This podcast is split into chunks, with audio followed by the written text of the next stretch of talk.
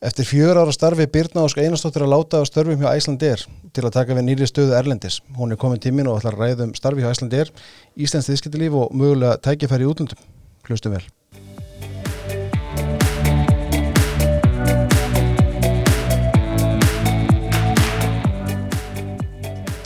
Birna, velkomin. Takk fyrir. Takk fyrir að gefa þér tíma. Þú ert bara mætt hérna með ferðartöskuna næstu því. Já, líku við. Já, þú ert að flytja út, þú ert að hérna, þú ert búin að starfa sem frangandastöru sölu og þjónastöru í Æslandi núna undanferðin ár. Mm Það er áður hjá landsverkjun og það er áður hjá símanum Já. og ert að taka við nýju starfi erlendis. Það er að segja okkur frá þessu starfi. Já, þetta er mjög spennandi. Þetta er hérna svipa starf og ég hef verið í hjá sagt frangotastjóri Sölu og Markasviðs í fyrirtæki sem heitir APM Terminals Mm sem er uh, eitt af dótturfélögum Mersk og rekur hafnir og innviði í höfnum í, í kringum 50 löndum. -hmm. 74 hafnir samanlagt. Spennandi. Já, fimm heimsálfur og hérna mjög, já, mjög ólíkir markaðir, ólíkir viðskiptavinir og mjög spennandi. Og hvernig kemur það til að, að Íslensk kona fyrir að starfa við þetta? Já, þetta, þetta er svolítið skemmtlegt. Það, ég fæ mjög oft spurninguna hérna, og er einhverjir Íslendingar þarna? Já, Það var svona einhvern veginn hugsunin að það væri einhver slikt tenging en hérna, ég veit ekki til þess, ég vona nú, það væri nú gaman að það væri einhver Íslendingar þarna. En þetta var bara þannig að, á vormánuðum þá bara hafði samband við mig svona hausaveða fyrirtæki mm sem að var að leita og, og það leiði nú svolítið tími þá til ég fekk að vita hvaða fyrirtæki væri um að ræða. Og, og til að byrja með hafði ég nú ekki, vildi ég ekki skoða þetta. Það var, það var nóg að gera og mikið spennandi í gangi þar sem ég var að vinna. Já, og svona sálóksins til sólar eftir margra ára krísu og þá vill maður ekki fara en svo svona bara þróaðist málið og endanum samþykti að skoða það og hérna það, þetta fór alltaf að verða meira og meira spennandi uh, þetta, það var þetta stór hópur af fólki sem var verið að skoða og svo eins og í svona ferli gerist þá einhvern veginn myndast mats mm á einhverjum tímapunkti og í þessu tilfelli þá gerðist það hjá mér og þessu fyrirtæki. Og spenntur lítið út. Já, mjög spennt. Þetta er svona einhvern veginn frábært tímapunktur fyrir, fyrir mig og fyrir okkur öll fjölskylduna að Mhm. prófa þetta. Mm Og þetta er náttúrulega svona, já, þú veist, enn og aftur ertu kannski að starfa í, já, má segja þessi karlægur geiri, Já, flutningagerin og, og rekstur innviða og, já. Mér var sagt 2001 til ég byrjaði hjá Símanum að þetta er því nú mjög erfitt því að þetta væri bara tækni og miðaldra verkfræðingar.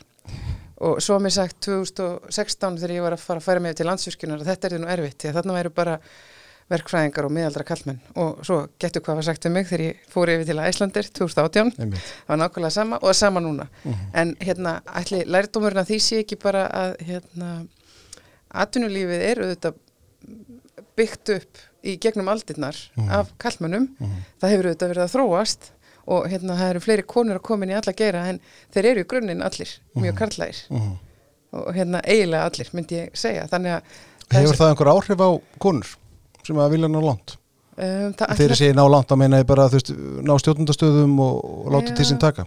ætla að fara ekki bara eftir einstaklingum mér finnst það nú bara spennandi þegar ég sagt við mig að þetta verði erfitt þannig eru Mhm. bara kallar og Mhm. eitthvað svona og hérna, það gerir mig bara spenntari fyrir verkefninu sko og hérna og það þýðir ekkert að byrja neinn verkefni á því að hugsa að þau verði erfið. Mm ég meina, við erum Íslendingar og við fyrir úti í sama hvaða veri sem er, við setjum bara hausinn hérna niður og höldum áfram að strunsa áfram og ég held að mín nálguna á þessi verkefni séu bara eins bara, þetta er spennandi, mætið með brós á vör og svo kemur í ljós hvað gerist og oft er það þannig að eftir að horfum að tilbaka hugsa að vá hvað þetta var erfitt. En aldrei á meðan á því stendur. Þannig að þeirra, já, ætlum að tvíablist ekki bara þegar maður heyrir svona. Mm Talandi um erfið verkefni, sko, uh, til að sangið þessi gaggar hlustundu líka, þá hef ég aðeins unnið sem ágæði fyrir Æslandir öðru kóra, þannig að við þekkjumst nú aðeins. En það er hérna, Æslandir hefur náttúrulega farið í getnum erfiða tíma á undanförnum árum Mm. og, og þá erfiðust í sögu félagsins síðustu tvö ár já, uh, eftir hennar COVID-faraldur, mm. eða í gegnum hennar COVID-faraldur. Getur það sagt okkur frá bara, þú veist, hvernig eru fyrstu viðbröðin hjá, hjá framkvæmdastjóra sögulega þjónastusins þegar það fer allt í frost? já sko, til að byrja með Eða það, það bara að slökka á öllu vélum líka við Já, já, já, og það er, það er skrítið að vinna hjá flugfélagi sem má ekki fljúa. Mhm.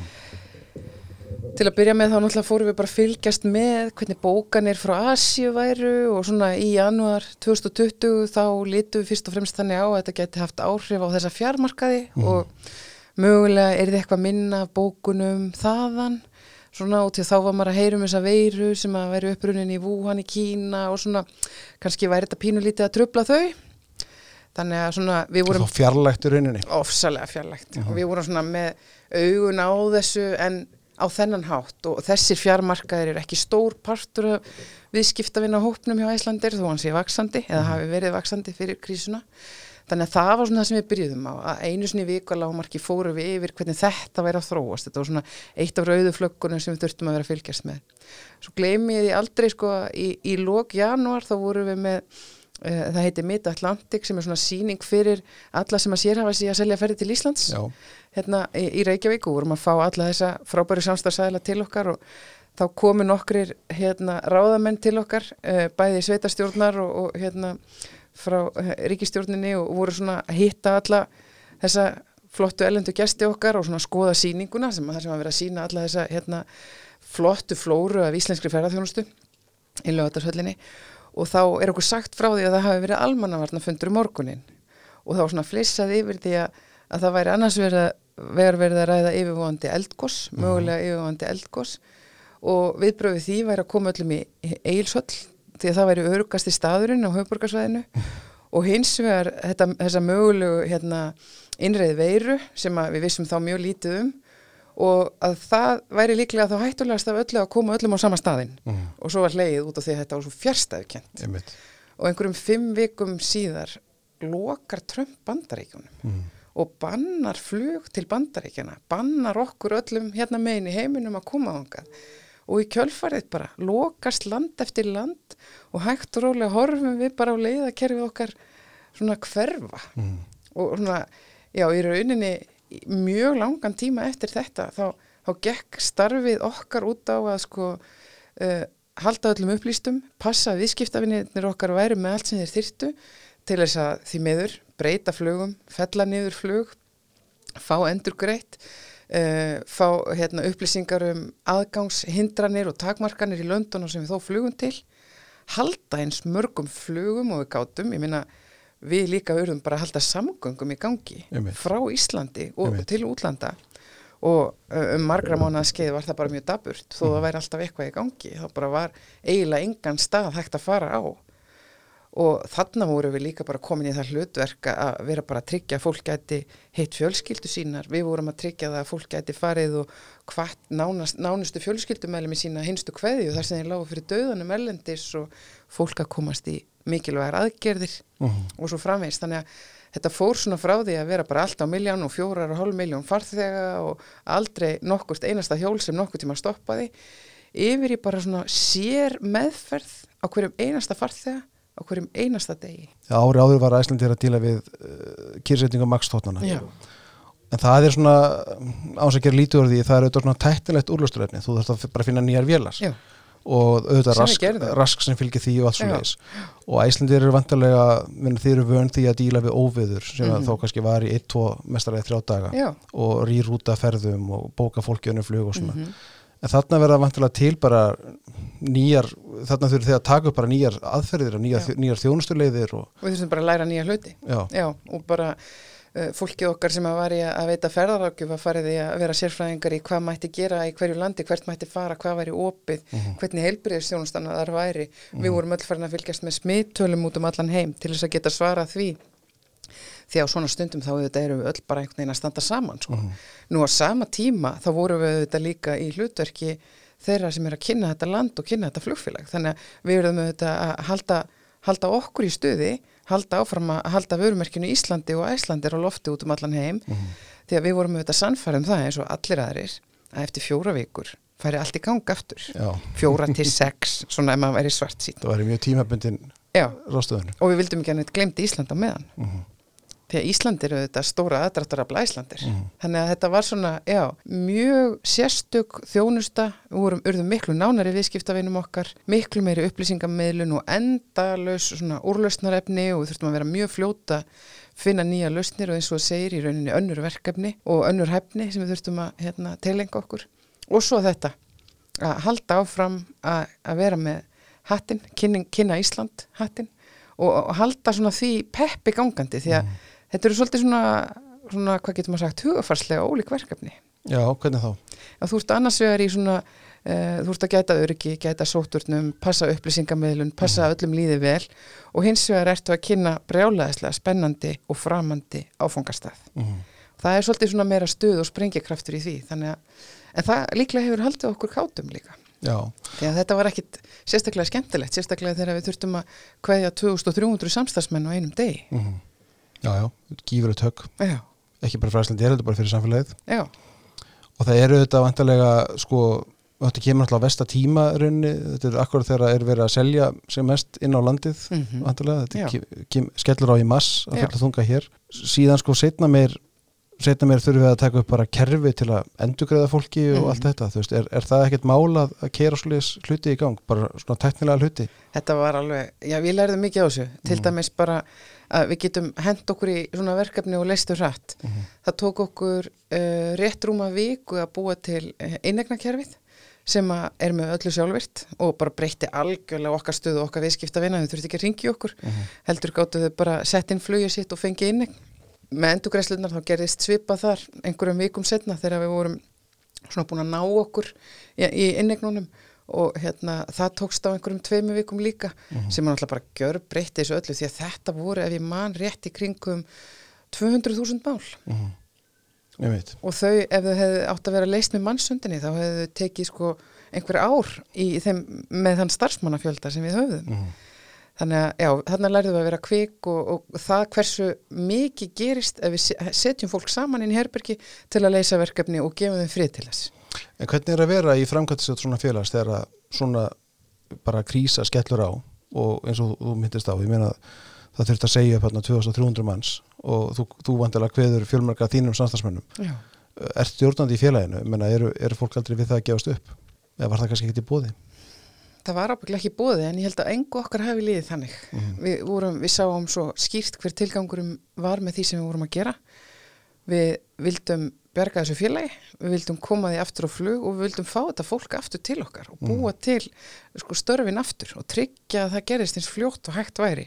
Auðvitað voru allir sér utanakomandi kraftar sem að höfðu áhrif en við trúðum því að það væri svo mikið sem við gætum gert ef við heldum áfram. Og þetta var, þetta var mjög erfitt bara engin spurning um það og reyndi mikið á en þetta var samt líka alveg ótrúlega gefandi við vorum hérna svona teimi verður auðvitað aldrei sterkara en þegar það fyrir gegnum svona krísu Einmitt. við tökum okkur öll ólík hlutverk og við sjáum vel um okkur sjálf og hvert annað og fólki í kringum okkur og hérna, ég held við getum öll verið mjög stolt af því hvernig við í rauninni komum út úr þessu.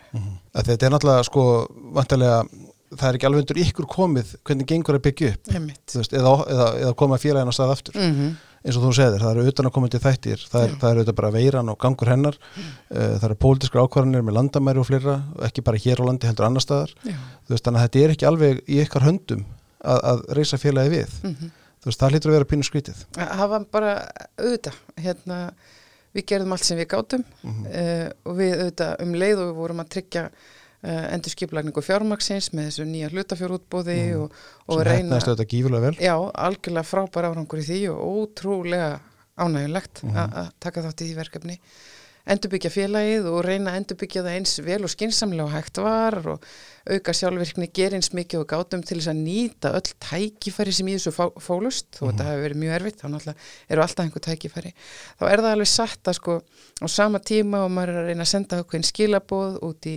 heiminn um okkur og um Ísland og um félagið og, og svo framvegis að þá eru alls konar aðri hlutir sem hafa áhrif og það eru þetta mjög flóki líka en það er auðvitað, lítur að skipta miklu máli líka bara að vera með góða framkvæmtastjórn og góðan Mhm. fórstjóra sem að, hérna, og bóginils fór náttúrulega getum þetta svona, miklu jafnaðar geði og mm. Mhm. þrautsegu Já. veist það er hérna síndi ótrúlega miklu hæfileika- í gegnum þetta Já. þú veist þannig að það lítur að skipta miklu máli í svona Já, og það var alveg, það var unin að fylgjast með honum. Hann, hérna, ég, ef ég reyna, ég er að reyna að rifja upp, ég sá hann aldrei skipta skapi í þessu ferli. Hann bara svona tók þetta allt á kassan og held áfram og rólegur yfir þessu. Ég held ég hef aldrei séð annað eins úthald. Bara held áfram, alveg eins lengi og þurfti, eins margar vikur og mánuði og þurfti. Og bara alltaf í góðu skapi. já, og þetta er einhvern veginn bara allt annað en sjálfsagt. Já, og mjög magnað að fylgjast með þessu. Já, en aðeins að íslenski fá, að þú þekkir hennan geira sko, meina, á hún sér góða viðrastna von, Já, ég myndi segja það þú erum komið hérna áður til að ræða ferðarþjónustu tími Já, já, já, og þá var líka bara fjóra vikur í að COVID kláraðist, þó það væri árliðið. Hérna, engin spurning. Ég meina, það sem er búið að gera hérna á síðustu tíu árum upp, í uppbyggingu á þjónustu og innviðum og upplifun út um all land, það er bara, það er magnað. Mm. Það sem að eru þetta, mér finnst ástæða til að hafa ágjur af núna, eru þetta bara hver staðan raunverulega er Mm.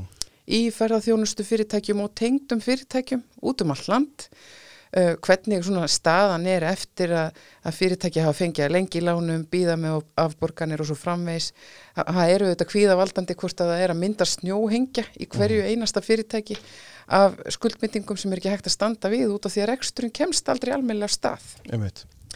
og fyrir okkur sem erum að kynna Ísland og kynna þetta sem spennandi áfangastað þá er það eitt, mik eitt mikilvægasti þátturinn í endurreysninni. Það er að fyrirtækin og þjónustan og innviðinir verði ábyggilega þarna þegar fólki kemur aftur og þau náu að halda sér á lífi og, og það vel, ég meina þetta, þetta eru þetta búið að reyna gríðarlega á þessi fyrirtæki. Það hefur náttúrulega verið talað um sko og ferðarþjónustan hefur ekki þó hann hafi verið orðin mjög stór atvinnugrein og mikilvæg fyrir okkur að þá er ekki mikið af eh, já, arðsömmum fyrirtækjum í ferðarþjónustu Og kannski voru þau ekki búin að hafa heldur tækifæri til að byggja sig upp nægilega Já, lengi, sko. Þau voru mörg svo ung þegar þetta skall á. Já, þetta er náttúrulega bara tíu ára rauninni af ferðarþjónustu sem við erum búin að upplifa Já, fyrir utan svona þessi fyrstu sem að voru búin að vera lengi, sko. Mhm. Þannig að e, ég held að sé, það er ábyggilega hérna, mjög mikil endurskipulagning framöndan og það verður frólitt að sjá hvernig það verður en, en það sem er búið að leggja hérna inn og það sem er búið að búa til, það er alveg það er algjörlega frábært Mhm. og bara fyrir okkur sem að ferðumst um aðeins um landið okkar og sérstaklega náttúrulega gegnum COVID, ég minna og þú er ábygglega að upplega sama, þá komið stórkastlega óvart hvað er búið að gera mikið, Já, já hvað er staðinir eru allir ótni miklu flótari.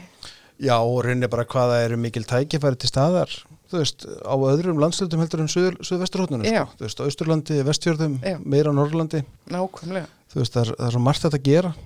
Við heyrðum svolítið í svona uh, viðskiptavinum okkar elendis frá sem að sko, koma oft. Mhm. þeim fannst þau vera orðið mjög cool og þau, bara, þau voru bara að fara til vestfjörða núna. Já, þau voru alveg svona hætt að vera á suðvesturhóttinu Been there, done that. Já, já, já, já.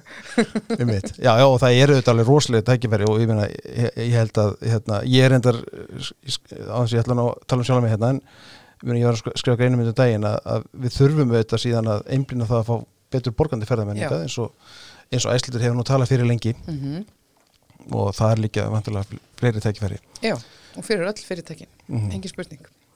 En svo við komum aftur að þér aðeins. Mm. sko, nú ert þú, eins og við erum bara rífið upp hér er búin að starfa lengi sem stj- stjórnandi hjá Símanum og hjá Landsverkjun og núna Æslandir hversu mikill skóli hefur þetta verið svona síðustu 10-15 ár? Bara stórkostlegu skóli og, og ótrúlega margt sem að ég fengi að taka þátt í í gegnum hennan tíma. Og náttúrulega fekk að fylgjast með símanum breytast úr fyrirtæki í ríkisegu stóru miklu þungu og, og svifasinu Mhm. yfir í bara lítið upplugt fyrirtæki á samkefnismarkaði sem reyfi sér rætt og þróast rætt og er komið í engægu og skráð á markað Mhm. í gegnum þennan tíma þá voru þannig vikur og á, mánuðir sem að, þar sem ekkert í rauninni gekk, það var rosalega erfitt erfiðir mánuðir og erfið ár Hvernig þá? uh, bara eftir, eftir hérna, fjármálakrísuna á gríðarlega, reksturinn gríðarlega erfiður Mhm. Og það þurfti að breyta miklu og taka mjög mikið til og í rauninni bara algjörlega kúvenda fyrirtækinu Mhm. og það var í rauninni í kjölfarið á, á hruninu að fyrirtækið, já það í rauninni bara umbreytist og var auðvitað búið að vera í breytingaferli allan tíma en þarna svona virkilega varða að öðruvísi fyrirtæki, nútímanlegu fyrirtæki sem að í rauninni var miklu betur í stakk búið til að taka þátt í allir samkeppni sem var komin, komin á þann markað. Spennandi líka að fá að taka þátt í því að vera inn í fyrirtækinu eiginlega frá því að það var í einokunarstöðu eða að því sem næst það var komið eitt fyrirtæki þegar ég byrjaði að vinna hjá, hjá Símanum. Og, og yfir í að vera bara hvað, í öðru eða þriðasæti yfir stærstu til dæmis veitendur far, farsímaþjónustu á. Íslandi. Það gerist náttúrulega mjög hratt sko, fjarskiptagerinn tekur Já. miklu um stakkarskiptum á svolítið skömmum tíma. Já, og ofbúslega hérna, dýrmætur lærdómur fyrir alla. Mhm. Og kollega mínir hjá Símanum voru bara frekar móðgæðir út í þessar nýju aðela þegar þeir koma á markaðin enda, að voga sér að koma hann inn eða? já, ég minna, þarna hefði Símin verið í einokunarstöðu í hvað, 60 ár Mhm. rúmlega Mhm. þannig að hérna, þetta var alveg þetta var ein, einhver magnaðasti skóli sem ég hef gengið í gegnum og auðvitað fekk ég að vera í mjög mörgum störfum og verkefnum, ólíkum verkefnum hana, þannig að það var líka svo mikill lærdómur landsvirkjun var auðvitað alveg, það var algjörlega frábært að vinna þar svona virkilega vel rekið og stert fyrirtæki með mjög sterka menningu og auðvitað alveg ofbáslega mikilvægt hlutverk Mhm. og hérna var mikil skóli hefði verið gaman að vera það lengur en svo kom, hérna, kom þetta freistandi tækifæri upp að- að fara inn í Æslandir sem Já. að var komið á svolítið svona, svona tí, ákveðin tímamót að fara áhuga og gera mikla breytingar og takast á við svona ákveðina erfileika sem höfðu verið að koma upp og alltaf þegar ég talaði um eitthvað svona flókið við mig þá verði ég rosalega spennt sko. Já, þannig að þannig byrjaði þetta hjá Æslandir og ég held að þessi fjögur ár hafi í rauninni já, verið kennsla í öllu sem tengist rekstri og stjórnun sem hægt er að hugsa sér og kannski sérstaklega krísustjórnun. Í rauninni frá fyrsta degi því að það var flókin staða uppi þegar ég byrjaði í janúar 2018 og svo komu bara alltaf svona ný og ný Mhm. flókin verkefni og við náttúrulega töluðum mikið um það eftir árið 2019 og Max Málið að það yrði allt bara svo létt eftir þetta. Einmitt. Og ekkert vissum við sko hvað byggði okkar. Þegar þið sáu fyrir endan á maksmálunum já, að- akkurat. En eru við sko því ég segi við, það minna ég bara íslenskt samfélag og kannski íslenskt viðskiptrif sko, eru við eru við góði að takast á við umbreytingar? Þú veist, þú nefnir bara eins og síminn fyrir getum mikla breytingar á skömmun tíma. Það verða ro ro rosalega mikla breytingar á fjarskiptamarkaði. Mm.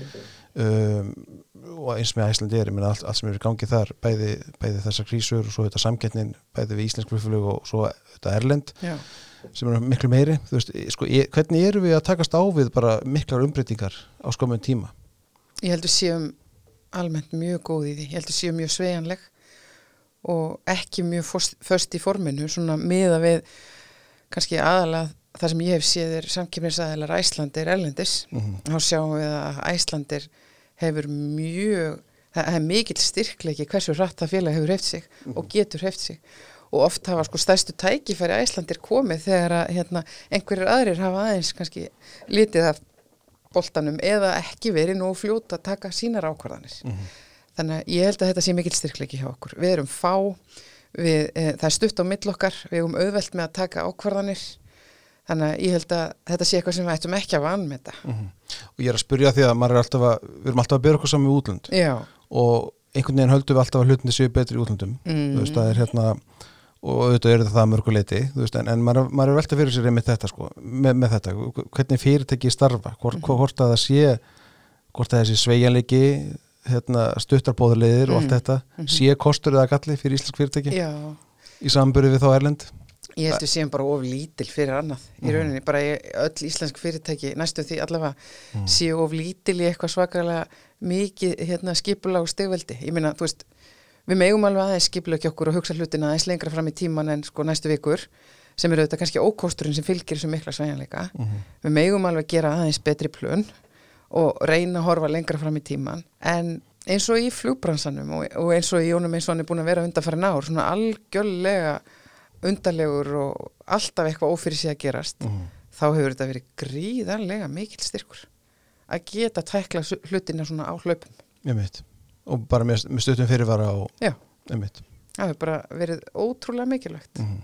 og hefur oft bara reynst æslandir mjög mikilvægt að hafa þetta eins og bara í, í Eyjafjallajökulskosinu þegar, mm. þegar að, hérna, höppin var bara fluttur frá Einmitt. Keflavík í einu vettfangi já, já, til Glasgow. Já, já, já, menn, menn kunna þetta. Já, og þetta viðhorf sko, við gerum oft grína sjálfum okkur fyrir að hafa þetta, þetta reddast viðhorf. Mm en, en kannski er það bara kostur svona hildi við litið. Já. Ef að við segjum á, á þess að vera á þess að við séum værukér sko sammála því og það svona, þetta reddast svo lengi sem við undirbúum okkur já, ég held að ef að við getum blandað þessu tvennu saman þá verður það algjörlega fullkomið sko. en hefur einhvern tíma verið sko, ég meina því kannski leiðist þessi spurningi, ég ætla samt að spyrja hana sko, ég meina hefur það verið eh, sko, það að vera kona í stjórnundastöðu mm. eins og í símanum Já. og síðan er Eslindir Mm. sko, hefur það einhvern tíma verið þröskuldur fyrir þig eða? ég hef náttúrulega aldrei verið kalli í stjórnandastöðu Nei, þannig hef ekki samanburðin en þú hefur vantur að fylgst með öðrum köllum og konum í Já. stjórnundastöðum Nei, ég held að það hafa aldrei verið raunveruleg hindrun. Ég, sko sérstaklega kannski til að byrja með þá fann ég alveg fyrir því að, að ég var í annari stöðu en strákanir. -hmm. Að, að hérna, Hvernig þá? það voru í rauninni eiginlega bara karlmenn stjórnendur Mm uh, og það var, þeir voru fyrirmyndirnar og það sá engin mikið annað en það og þannig að það voru svona e, það, það voru þá aðrir eins og þeir voru líklegastir til að taka við af þeim og það var svona viðtekin skoðun. Og hún var ekkert skrítin, það var bara þannig sem þetta leit út á þeim tíma. 2001 þegar ég byrjaði hjá Símanum þá var þetta bara þannig. Nokkrum árum setna reyndar tók við nýr fórstjóri eh, hjá Símanum, Brynjólfur Bjarnason tók strax með sér tvær mjög sterkar konur inn í framkvæmastjórn og það var ótrúlega stert bara fyrir mig og allar hinnar ungu stelpunar að sjá eh, svona kanónur og sjá að þetta getur líka alveg verið svona. Þannig að ég held að það hafi hjálpað mér og öllum öðrum mjög mikið. En hérna, já, þú veist það eru ákveðni hlutir sem eru öðruvísi en það eru líka tækifæri sem fylgja þessu. Ég eiginlega má ekki sko byrsta mig eða verða kvöss því að þá er ég strax orðin rosalega æst. Já, eða það er allavega upplifun fólks. Ég og ég sé alveg að svoleiðis með Róaðu þig líður, kemur þá þessi setning. Já, akkurat Þannig að hérna, jújú, jú, það er ábygglega alltaf einhver hérna, framkoma sem að kallar og konur fá öruvísi en ég hef bara eh, reynt mitt besta til að láta það aldrei trubla mig. Mhm. og, og hugsa bara þannig að ef að ég fæ einhverja svoleiðis hérna, framkomu hjá fólki þá er það ábyggilega út af því að það veit ekki betur. Og hefur þið fengið þennan framkvæm? Já, já, alveg ábyggilega og við ábyggilega allar einhvern tíman, en bara ég svona reyni að ég veit ekki hvort það er rétt að segja, vera bara blind á það. Mm út af því að ég vil ekki ég vil ekki gera neinum það upp að það sé illa mynd Og ekki nefni varnverðingu eða nei, heldur frekar að það sé bara afleðinga því sem fólk er vant Mhm. og sér og svo framvegis Mhm. en ég meina ég hef líka fengið tækifæri vegna þess að ég er kona Mhm. og hérna og hef bara hugsað að það sé frábært því að ef ég fæ þetta tækifæri þá sín ég að, að ég er starfinu vaksin og get mjög vel leist þetta verkefni en þá var kannski hort á mig sem kandidat vegna þess að ég var kona það var bara tækifæri En þarftu þá að sína einhver aðra getu og hefileika heldur en kall á samaldri eða, eða sambarilega stöðu? ég sko, ég veit ekki, út af því að þegar að maður kemur inn í eitthvað verkefni þá, þá gerir maður bara það sem maður er bestur í Mhm. þá leggum maður bara á borðið sína hæfileika og sína reynslu og svona bætir inn kannski svona sínum persónuleika inn í hópin og dýnamikina sem er í hópnum og það er bara það sem ég get búið upp á alveg sama hvert ég kem Mhm. þannig að ef að, sko, ef að það virkar ekki þá er það bara út af því hvernig ég er held ég, ekki hvort ég er konið að kall Leiðist þér þessu umræða? nei, nei, ég, hérna ég, ég held að ég sé Því við erum alltaf að ræða þessu hluti Já, já, já, það er bara mikilvægt. Ég held bara, uh, ég held hún sé mjög mikilvæg og verðum að taka hana en ég held að ég sé ekkit flink að tala um sjálfa mig í þessu samhengi, kannski frekar en aðrir, sko. ok Og til að ég sé mig kannski ekkit eins og aðrir sjá mig, sko, Já, já. inn í svona samhengi. Mhm. En mér hefur aldrei fundist þetta að vera erfitt og, og bara spennandi og bara spennandi áskorun og, og að vera eini herbergi með fullt af köllum sem gerist auðvitað mjög oft er bara, það er bara býður líka alveg upp á eitt góðan brandara til þess að leta stemninguna og svo framvegis. Þannig að það er oftast bara flott. En ég upplifði það í fyrsta sinni á Æslandir að við vorum þrjár í framkvæmtastjórn, Mhm. konur, og það var frábært. Náttúrulega algjörlega magnaðar konur báðar, Eva Sólei og Elisabeth sem að e, voru fjármálastjóri og mannustjóri Mhm. og hérna Elisabeth er þar enn og það, það var öðruvísi þegar að hlutfullinu voru hann jöfn. Já, hvernig þá? Það var bara meira jafnvægi og hérna, ég var svo, þá fattaði ég hversu oft ég var búin að vera eina konan Mhm. og hversu oft ég var þá alltaf með það spil á hendi, að ég þurfti alltaf að passa upp á allt sem að því sneri og rétt upp hönd þegar var ekki gætt að ákveðnum hlutum sem að var alltaf rekna með að konan gerði eins og ákveðni framkomi starfsfólk, eins og ég breytti smálunum og, og svo framvegis. Þannig að það er svona, það slaknar aðeins á spennunni sem fylgir því að vera eina konan í herberginu, sem er algjörlega frábært, sko. Eru sko að því að meina, við höfum sér umfjallanir um það ég meina það er, það er fjallað um ég meina það eru kallmenn eru yfirleitt í meira hluta í, í skráðum fyrirtækjum Mm. um, eru í fleiri stjórnarnstöðum heldur en konur Já. hvað vantar upp á? Sko, þetta er, þetta er á leiðinni rétta átt, ætla ég fyrst að segja Mhm. og svo ætla ég að segja, sko, allavega þegar ég er að alast upp í, í, hérna, í fyrirtækjum og í, í starfi að þá eru meira karlar en konur í öllum stjórnunastarfum Mhm. Og svo ætla ég að segja sem afleiðinga þessu þá finnst mér það hafa áhrif á sjálfströst hvenna til þess að sækjast eftir svona verkefnum Mhm. út af því að þær sjá ekki nógu mikið af uh, öðrum konum í svona hlutverkum. Þannig að ég held að sé sjálfströst og ég held að komi út af því hvernig í rauninni hvað við sjáum og hvað við sjáum að aðrar konur, hvaða tækifæri þær fá og svo framvegs. Og við erum kannski ekki vanar að spila leikin oft eins og kallmenn spilan, þeir eru dugleir að sækjast eftir hlutunum og geta alveg fengið nokkuð nei og haldið áfram. Mhm. og leikurinn er ennþá með þeim reg- leikreglum. Þannig að hérna, það er stundum það er, það er oft erfiðara með að sækjast eftir Mhm. uh, svona, svona þróun. Þó að mér finnist það hafa st- breyst rosalega á undanförnum árum. Og orðið betra. Sko þetta kann- að hljóma sem mjög hallastlega spurning en sko láta konur fyrsta neyið berja sig niður, jafnvel varalega. Mm, Ég held ekki, en ég held að það sé svona, mér, hefur fundist sko bara sjálfri þegar ég er að ráða stjórnendur að það svona, það verði aðeins meira, að sitja aðeins meira eftir Mhm. og bara við fáum öll bara fullt af neyjum, við verðum samt bara að halda áfram sko. Eru kallmenn meðvitaður um þetta mikilvæg þess að fjölga konunum í stjórnunastöðum, heldurum? Það eru tala um kallmenn í stjórnunastöðum í atvinnulífunu. Mér finnst það, já, ég upplifi það ég, og ég hef sko svona á tíu ára tímabili hefur mér fundist þetta að fara frá því að vera svona já, við verðum vist að gera það Já. yfir í svona meira eðlilega umræðu bara um að það er það er okkur öllum mjög gott að við séum ekki öll eins Mhm. hvort sem að snýra kyni eða reynslu eða bakgrunni eða mentun að þá sé það bara þannig að við erum sterkari sem teimi ef við erum vel blönduð Og sjá kannski fleiri tækifæri í fjölbreytileikanum heldur en áður. já, og ekki lengur bara rætt á einhverjum kaltænisnótum heldur held ég að það sé raunverulega þannig að fólk sjáu það Mm -hmm. Sko þú er náttúrulega að sitja í stjórnum fyrirtækja líka. Já. Sittur í stjórn Skeljungs mm.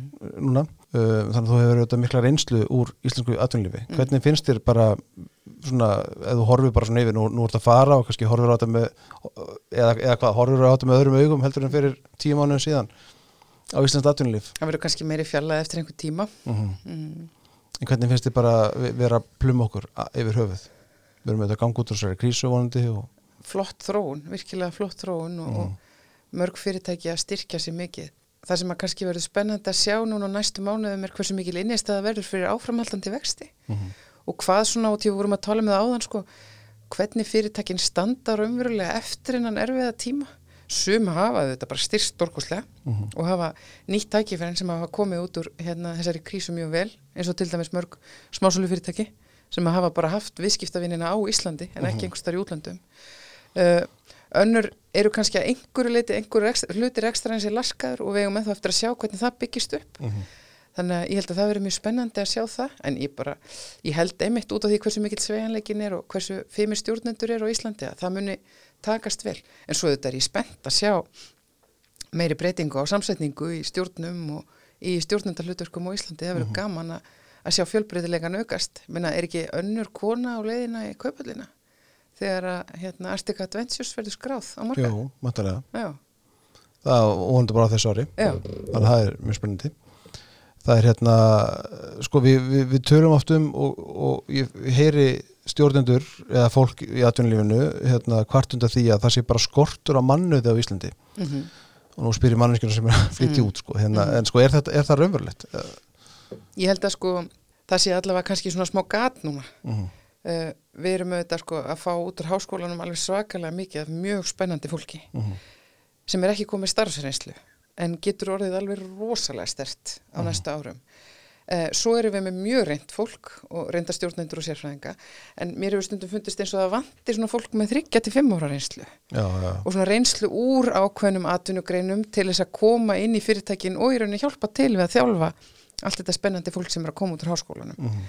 og við allavega fundum það alveg svolítið hjá Æslandir þannig að við vorum svolítið mikið fyrir að leita út fyrir landsteinana sérstaklega í svona sérfræðingstörf sem kröðust ákveðinar mentunar og reynslu og þá ekki síður til þess að þjálfa okkar fólk og, og þá sem að er að koma út úr háskólanum og ráða sig til okkar eftir, eftir nám.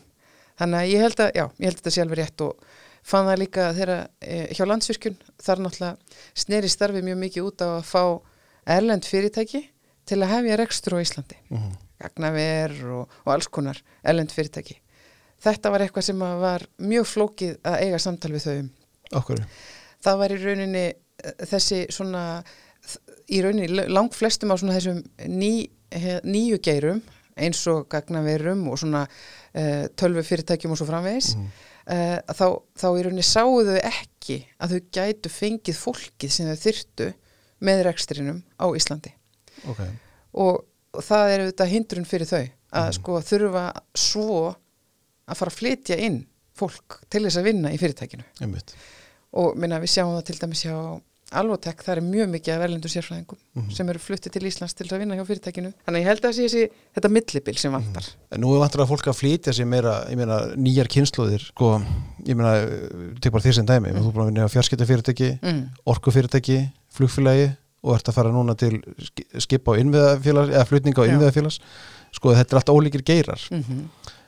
Mm Vantarlega munu komandi kynnslóðir og þær sem eru kannski nýkomnin á atvinnumarka núna, uh, sko, hafa meiri mögulega til að flytja svo að milli geira heldur en oft áður. Já, þú veist, áður fyrir störfu eins og þú sagði sjálf fyrir náðan, sko, ég meina kollega þínni hjá Símanum voru kannski búin að vinna þar í 40 ár, mm það heyri sögunum tilvantilega já. Og ég held að það sé mikill kostur. Og mér fannst ótrúlega skemmtilegt og óvænt að það væri verið að tala við mig til dæmis í þessu starfi sem ég er að fara í. Vegna þess að ég held að svona væri þetta ekki heldur, fólk væri alltaf í sínum geira og sérstaklega erlendis. mm -hmm. En þá sáum við þessum tækifæri og bara það var leitarkrítarja að ráða einhvern utan geirans að fá reynslu úr öðrum geirum inn í þennan sem að þau mátu sem ekki mjög þroskaðan í sölu og þjónustumálum og það væru aðrir geirar komni miklu lengra í því og þá fá sérfræðingar og stjórnendur tækifæri til þess að taka sína reynslu yfir í eitthvað allt annað, fá að læra á nýjan geira en að sko vera samt með í rauninni verkfærakistuna sína um mitt, og reynsluna sína akkurat. til þess að svona nýta í þessu nýja starfi. Þannig að og eftir að hafa farið svona á milli gera þá get ég sagt að það er fátt skemmtilegra. Mm þannig að ég vona að þetta verði meira svona. Er reynslan kannski eitt af því dýrum sem eigum? Engin spurning, Mhm. góðu slæm.